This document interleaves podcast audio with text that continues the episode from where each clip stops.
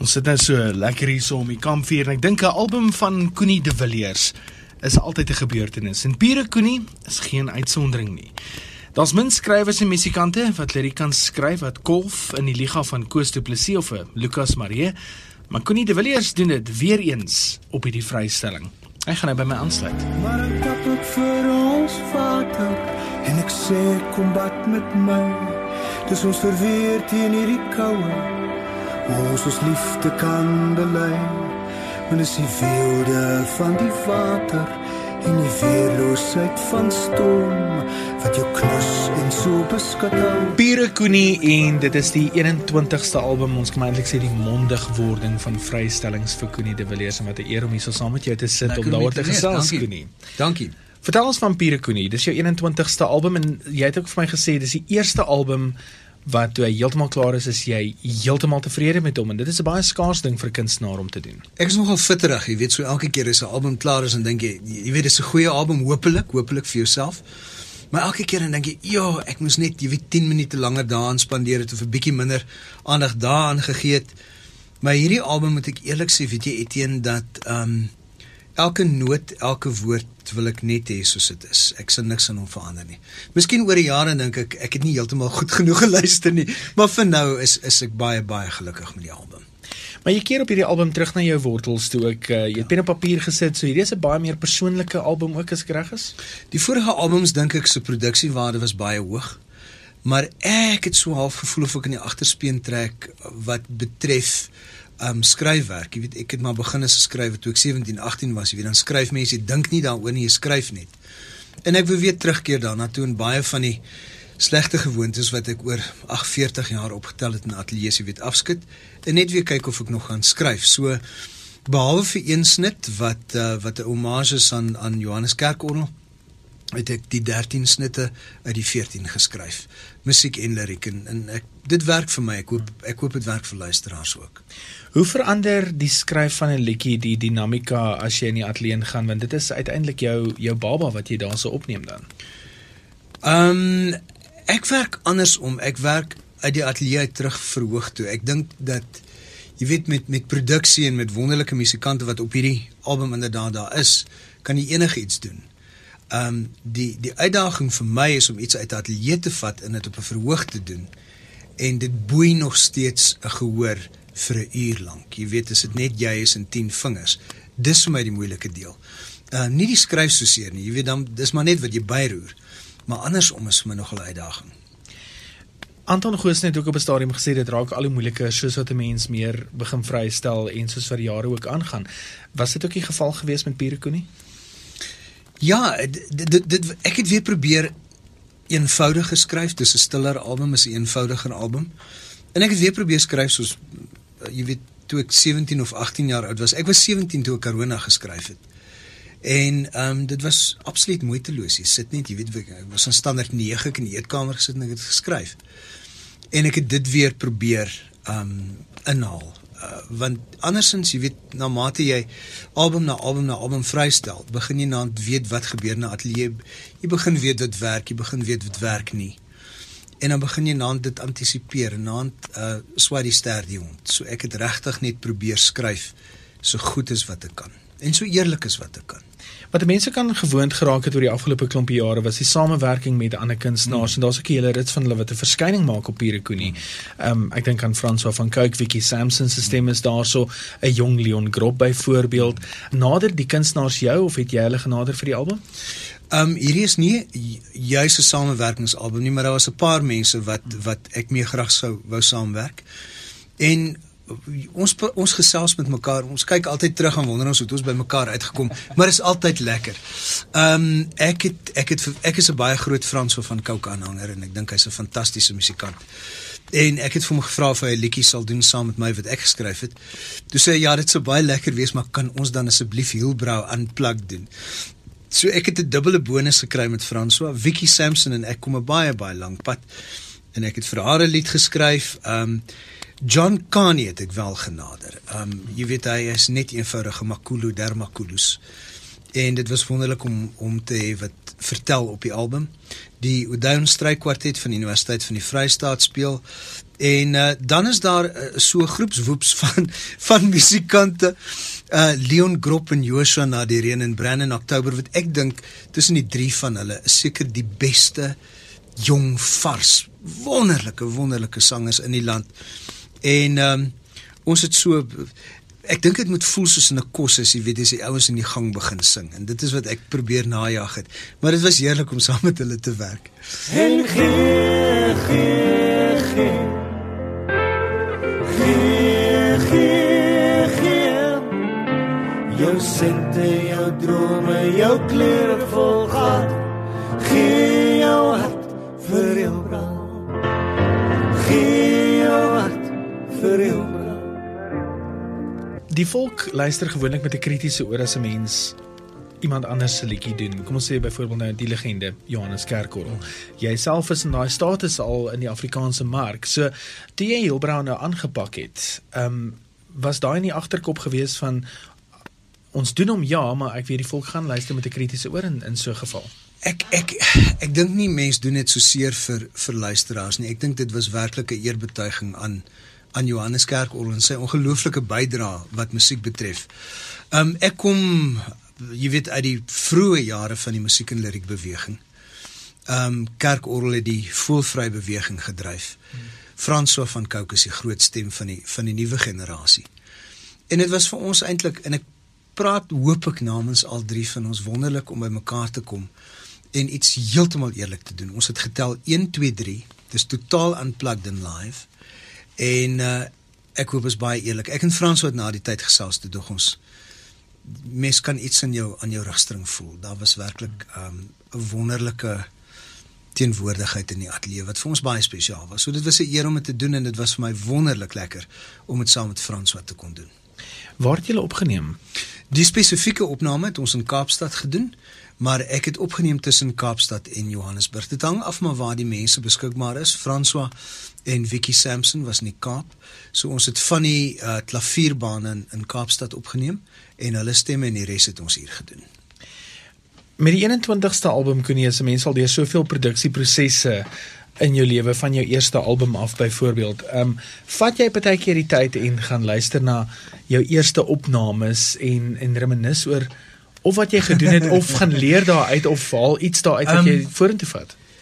Ja, jy weet jy luister dan aan die eerste ding wat jy luister is en na die ou opnames luister is jy hoor tegnies hoe swak dit is. Jy weet maar dan vergeet jy ook dat dit was die beste wat beskikbaar is. Jy weet destyds.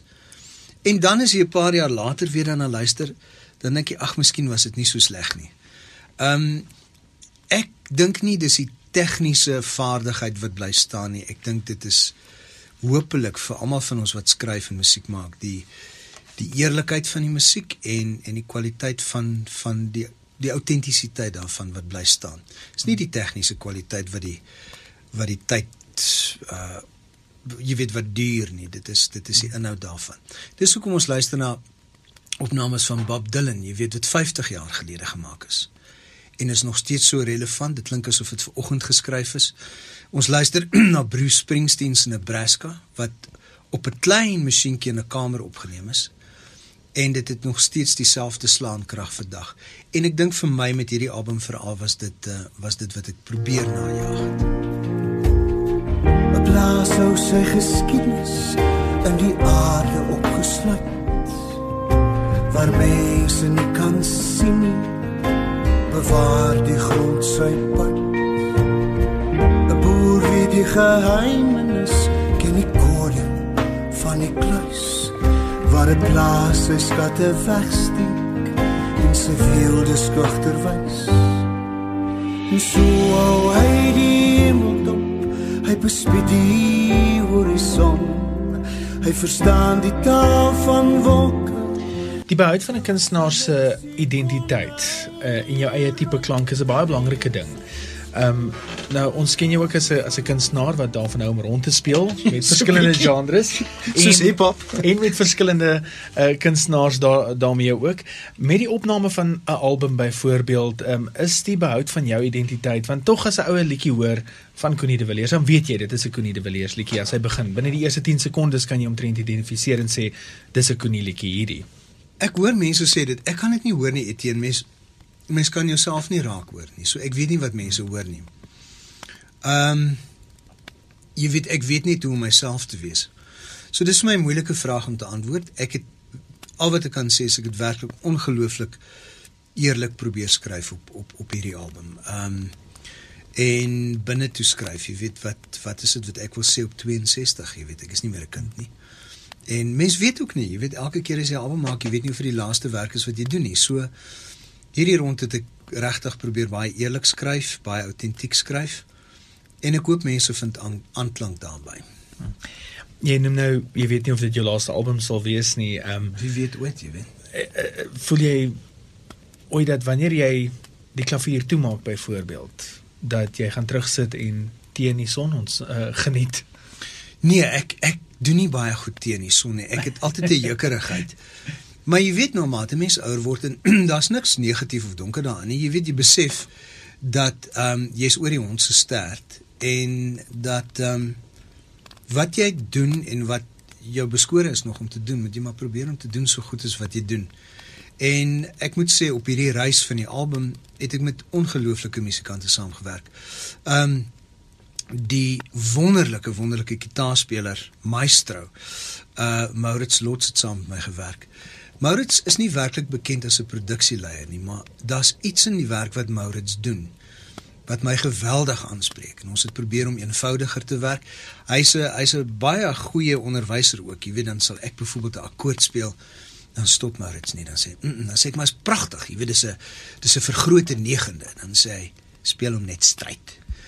en ehm um, en ek dink in die proses uh ehm um, is dit miskien eenvoudiger en eerliker as wat ek in die verlede gewerk het. Hy het 'n groot aandeel daarin. Dit was heerlik om saam met hom te werk. En dan net die ander musikante, jy weet wat nooit die krediet kry as die sessie spelers, jy weet Denny Lalouet, uh Werner Spies, David Klassen. Ag soveel musikante wat saamwerk. Die ingenieurs wat wat ek, wat verantwoordelik is vir 'n klank. Ehm um, so dit was was weer eens 'n baie lekker reis, reis vir my baie kunstenaars na baie vrystellings en na baie jare in die industrie verloor die ek wil eintlik sê die die verwagting of die energie. 'n Mens bespeer dit glad nie met jou musiek of selfs jou vrystellings of selfs jou optredes uh, in daai geval nie. Ehm um, is dit die behoud van 'n ou se loopbaan byvoorbeeld? Ek teen ek het net geen verwagtinge meer oor nie, jy weet. Ehm um, ek ek is nie 'n reuse verkoper nie. Ek het 'n loyale aanhang en ek is baie dankbaar daarvoor. Maar jy weet ek is ek verkoop nie uh, lorry vragte vol vol CD's nie. Ehm um, dit sou heerlik wees, maar maar ten minste skryf ek werklik, jy weet wat ek voel ek moet skryf. Ek skryf nie noodwendig vir 'n spesifieke gehoor en dink dat as dit nie werk nie, het ek nie kos om te eet nie. So ehm um, ag dis maar 'n stokperdjie, jy weet en en ek probeer golf speel so goed as wat ek kan. Jy weet my pelle speel golf, ek maak 'n bietjie musiek. Die akkoorde is eenvoudig, die harmonie is ewe min. Jy moet fyn fyn luister Luka Oor afstand, tyd en ruimte stuur ek van ver af aan 'n liedjie oor die sterre, oor die wolke en die maan. Koenie, jy's verantwoordelik vir die omslagontwerp se foto. Is fotografie 'n uh, stokperdjie? Absoluut glad nie. Ek het een aand, ons het 'n klein huisietjie op Oudtshoorn. Ek is baie lief vir die Suid-Kaap. En toe gaan kuier ons een aand by Pelle aan die kant die berg toe, ry ons oor die Robinson Pas. En dit was die mooiste sonsondergang. Dit het gelyk soos 'n wetenskapfiksie rolprent. En al die motors het so langs die pad gestaan en foto's geneem. En toe neem ek 'n foto van die Robinson Pas en dis op die omslag. Deur die jare deur deur kon jy gaan van die plate na die kassette hmm. uh na CD uh en ons staan nou op die drempel van wel nie eintlik op die drempel nie ons is al deur die drempel ja. van die digitale era waar alles gedigitaliseer is. Um en jy het nou al hierdie veranderings ervaar. Hoe hoe ervaar jy die digitale era? Dis wonderlik en dis problematies. Dis sonder twyfel 'n 'n tweesnydende swaard. Eerstens, dis baie makliker om goed by mense te kry, dis baie makliker om mense te kry om daarna te luister. So ek kan nou iets vrystel letterlik en môre sal iemand in Australië of in Thailand daarna luister en moontlik daarvan hou of nie daarvan luister nie. Dit het die potensiaal om viraal te hardloop wat wonderlik is en dan wil almal dan hulle daarna luister. Die teendeel daarvan vir die musiekbedryf en dis wêreldwyd. Dit is nie net 'n Suid-Afrikaanse fenomeen nie. Dis skrikwekkend moeilik om dit te moniteer, om dit in geld om te skakel. Die ou besigheidsmodel in die ou dae beteken ek maak 'n CD, Etienne jy koop die CD, my insetkoste is R10, jy koop hom vir R20 en my wins is dus R10. Daai model is by die venster uit. So die groot uitdaging wêreldwyd is hoe om jou produksiekoste te verhaal wat jy in is duur om hierdie goed te doen. As jy dit behoorlik doen, ek weet baie ouens maak 'n album in die in die spaarkamer en en is dis werkbaar en is goed so. As jy regtig iets wil wil skep wat wat wat 'n bietjie polering aan het, dan kos dit geld. En is baie baie moeilik om in 'n klein mark en 'n moeilike mark en 'n moeilike ekonomie daai geld terug te maak. Kyk, dit is 'n fantastiese omslag ook en mense sien dit ook nie meer so gereeld nie. 'n Baie 'n dik boekie 16 bladsye, ja. Al die teks is daarin. Want ek lees, ek lees. Jy sien so die groot genot vir my is om 'n CD te koop en dan luister ek na die want ek luister na hom. Jy weet, en ek lees elke jota en titel en wie speel wat en ehm um, so ek glo diep in my hart dat mense daar buite doen dit ook, maar ek weet nie of hulle dit meer doen nie. Maar as hulle sou, jy weet daar's daar's 'n hele boekie met met agtergrond ook by. Ons gesels oor die vrystelling van Pierre Koenie. Hy is nou vars van die drukkers af. Mm -hmm. Wat gebeur van hier af? Ek weet nie, ek hoop mense luister daarna. Ek as jy vir my vra wat hoop ek ehm um, is die uitkoms vir die album? Ek ek hoop iewers sal mense geraak word daardeur. Ek wil hê eers moet iemand by die huis kom en vir sy vrou sê maak 'n bottel wyn oop as iets wat ek wil hê jy moet na luister. En job done, jy weet dis dis eintlik maar al is as jy iemand kan raak deur jou skepende werk. Ehm um, dit sou vir my baie lekker wees as ek dit kan gelykbreek of of 'n wins maak. Maar ag dit maak ook nie saak nie. Jy weet ek wil net graag dit sou vir my lekker wees om iemand se se lewe te raak en ek weet nie, jy weet as die ding gemaak is, is dit gemaak, dan dan kry maar 'n lewe van sy eie. Wat dit is, weet ek nie. Ek sien jy noem ook die album is geheel en al baby baby vry. Is alleen wat my bybly daai. Jy weet daar's net so 'n paar goed wat mense nie moet doen nie. Sommige mense moenie dans nie. Sommige vrouens moenie dreadlocks dra nie. En sommige sangers moenie baby baby in 'n liriek skryf nie en ek is een van hulle. As ek kon en ek kon dit maak werk sou ek meer verkoop het, maar maar die album is geheel en al baby baby vry.